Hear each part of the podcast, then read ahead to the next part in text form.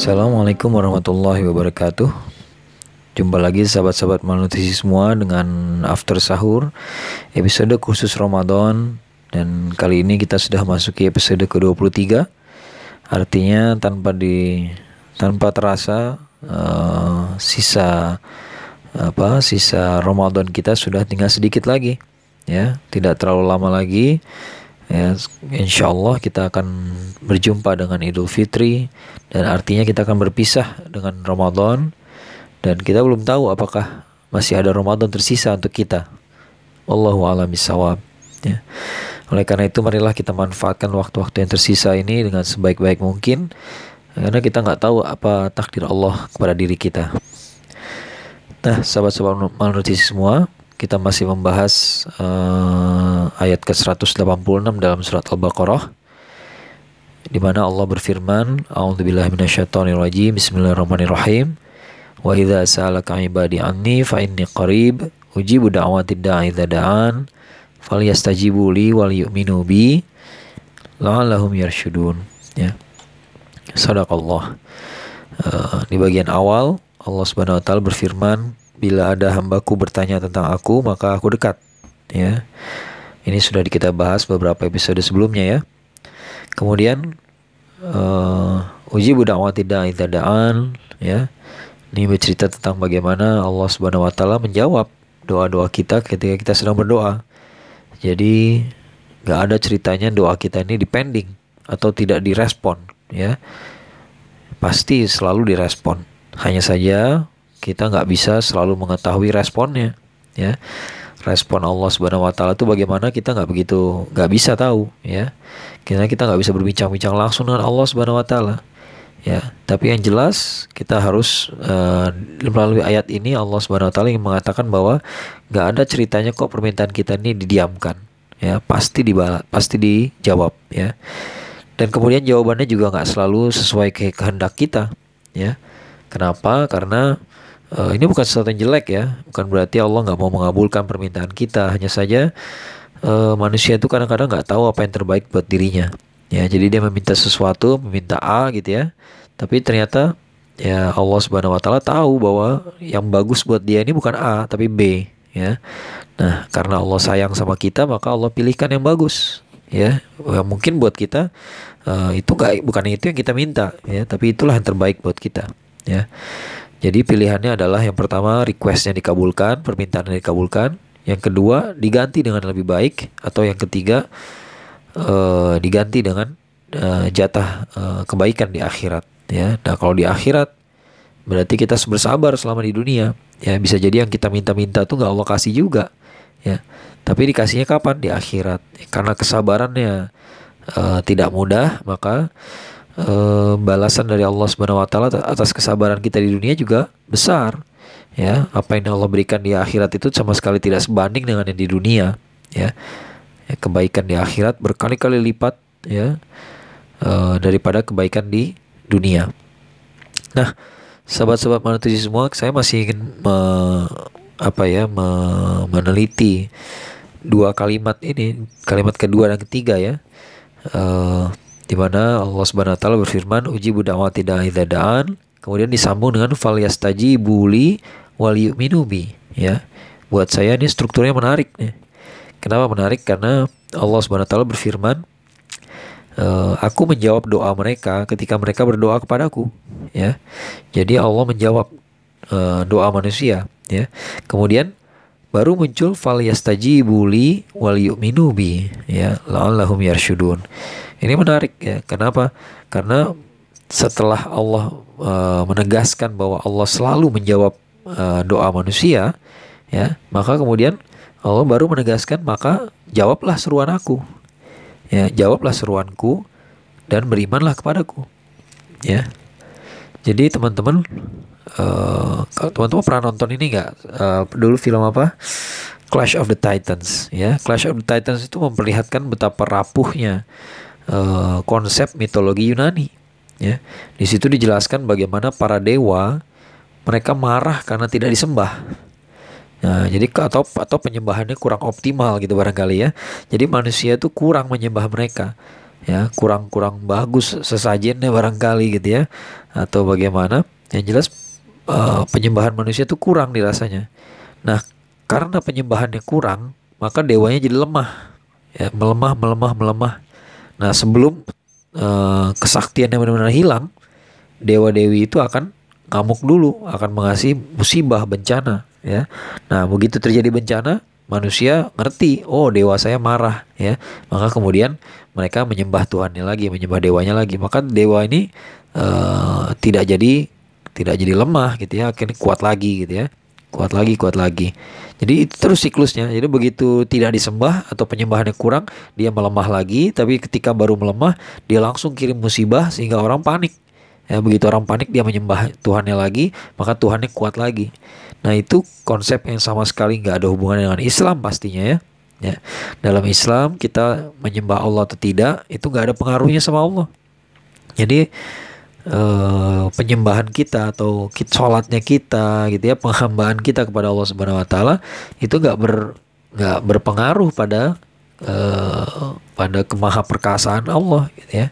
Allah itu tetap aja maha perkasa ya dan sebaliknya kalau kita kufur maka Allah tidak jadi lemah ya kalau kita nggak mau menyembah Allah maka nggak berpengaruh juga bagi Allah ya.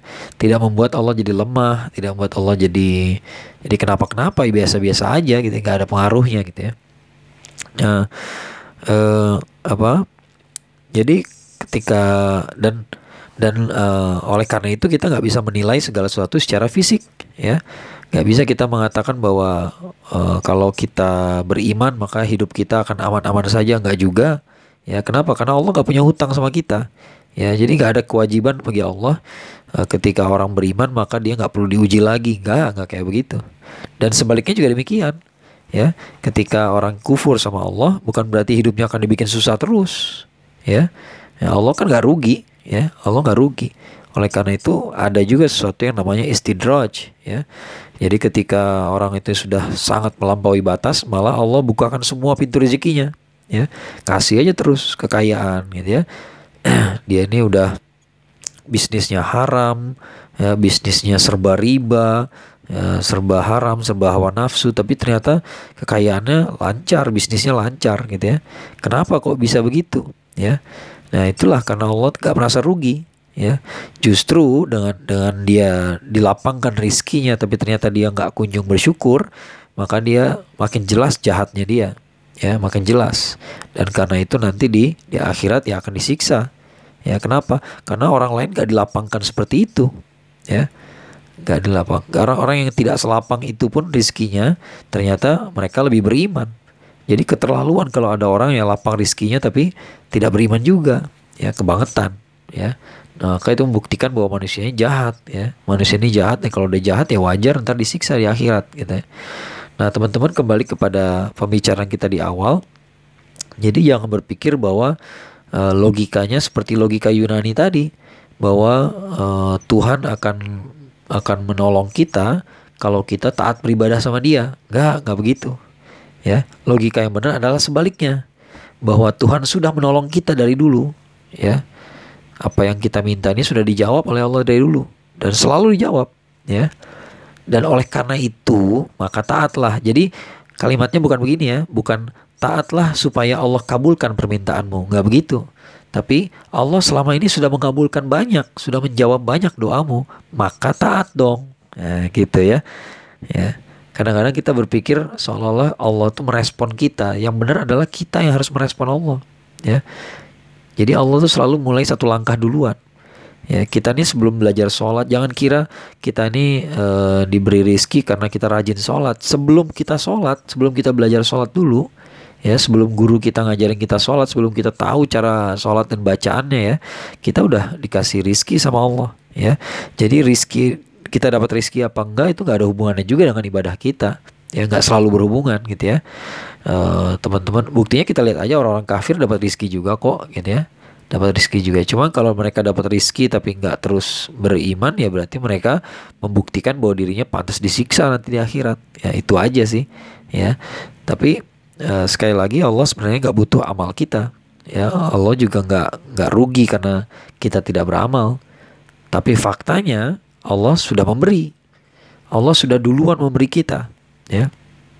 Sebelum kita minta, sebelum kita belajar ketaatan, belajar jadi orang soleh, belajar beribadah, Allah udah kasih, ya. Nah, karena Allah sudah ngasih, maka semakin tidak wajar lagi kalau kita tidak taat sama Allah, ya. Nah, jadi logikanya seperti itu. Logika yang benar sekali lagi Allah sudah ngasih banyak kepada kita.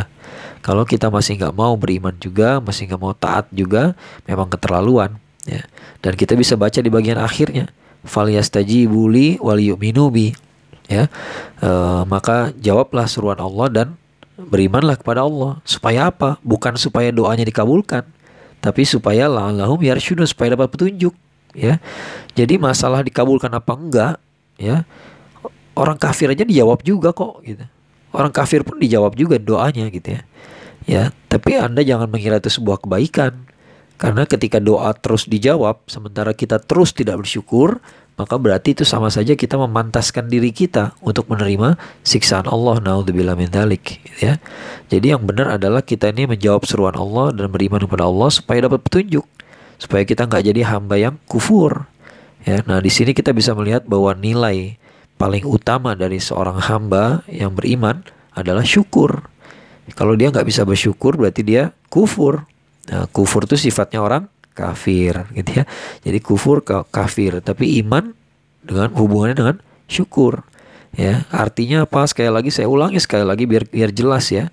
Ya, sifat utama orang beriman itu adalah bersyukur. Kenapa? Karena Allah udah ngasih. Sebelum kita minta udah dikasih. Sebelum kita taat sudah dikasih. Yang katanya baru hijrah dari sebelum hijrah dulu waktu masih berkubang maksiat ya. Allah tetap kasih juga kan? Ya, tetap aja Allah kasih rahmat juga. Ya.